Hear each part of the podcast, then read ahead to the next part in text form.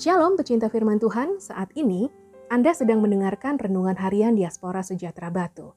Pembacaan Alkitab hari ini dari kitab Keluaran pasal 26 ayat 1 sampai 14. Mengenai kemah suci. Kemah suci itu haruslah kau buat dari sepuluh tenda, dari lenan halus yang dipintal benangnya, dan dari kain ungu tua, kain ungu muda, dan kain kirmisi, dengan ada kerupnya, buatan ahli tenun, haruslah kau buat semuanya itu. Panjang tiap-tiap tenda haruslah 28 hasta, dan lebar tiap-tiap tenda 4 hasta. Segala tenda itu harus sama ukurannya. Lima dari tenda itu haruslah dirangkap menjadi satu, dan yang lima lagi juga harus dirangkap menjadi satu.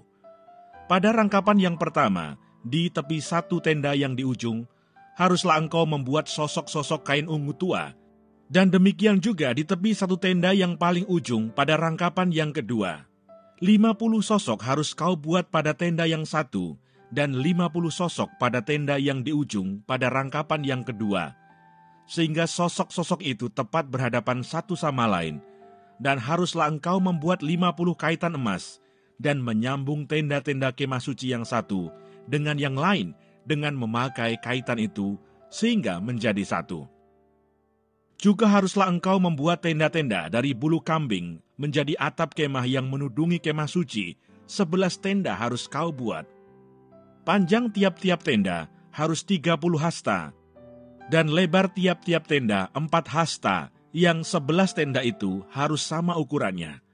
Lima dari tenda itu haruslah kau sambung dengan tersendiri, dan enam dari tenda itu dengan tersendiri dan tenda yang keenam haruslah kau lipat dua di sebelah depan kemah itu.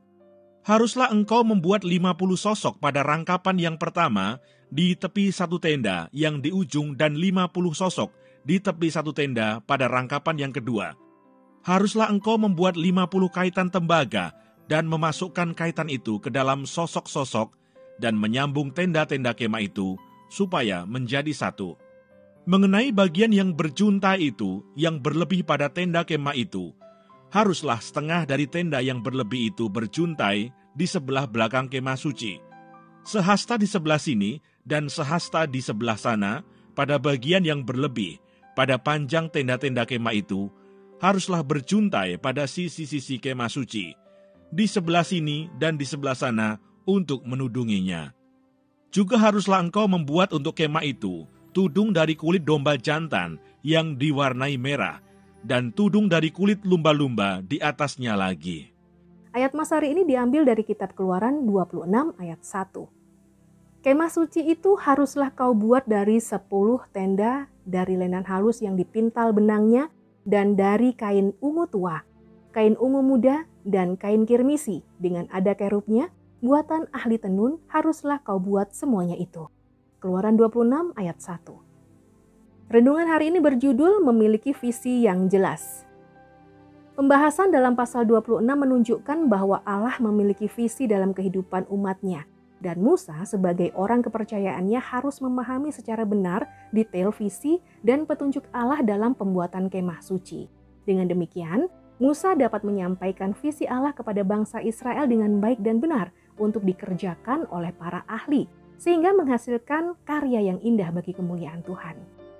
Dalam hal ini dapat dilihat bahwa Tuhan bekerja melalui visi dan kita adalah orang-orang yang dipercaya sebagai pelaksana misi.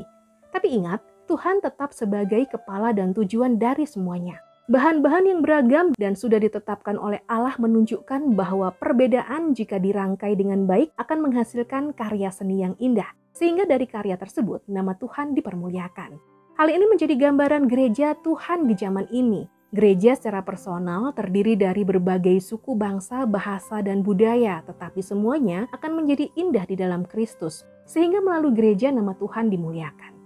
Mari libatkan diri dalam pelayanan di gerejanya dan dasari pelayanan tersebut dengan visi dari Allah yang diberikan melalui pemimpin, serta komunikasikan visi tersebut kepada sesama umat supaya pelayanan di gereja lokal berjalan sesuai visi Allah. Dengan mengerjakan visi Allah, walaupun dalam gereja secara personal terdapat perbedaan, namun perbedaan itu tidak menjadi penghalang pekerjaan Tuhan.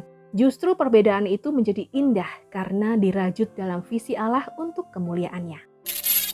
Karena sama seperti tubuh itu satu dan anggota-anggotanya banyak dan segala anggota itu sekalipun banyak merupakan satu tubuh, demikian pula Kristus. 1 Korintus 12 ayat 12. Tuhan Yesus memberkati.